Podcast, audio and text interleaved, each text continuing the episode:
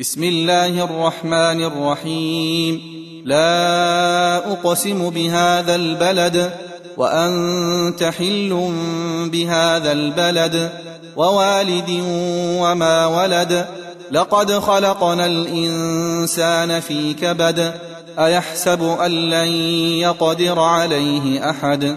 يقول أهلكت مالا لبدا أيحسب أن لم يره أحد؟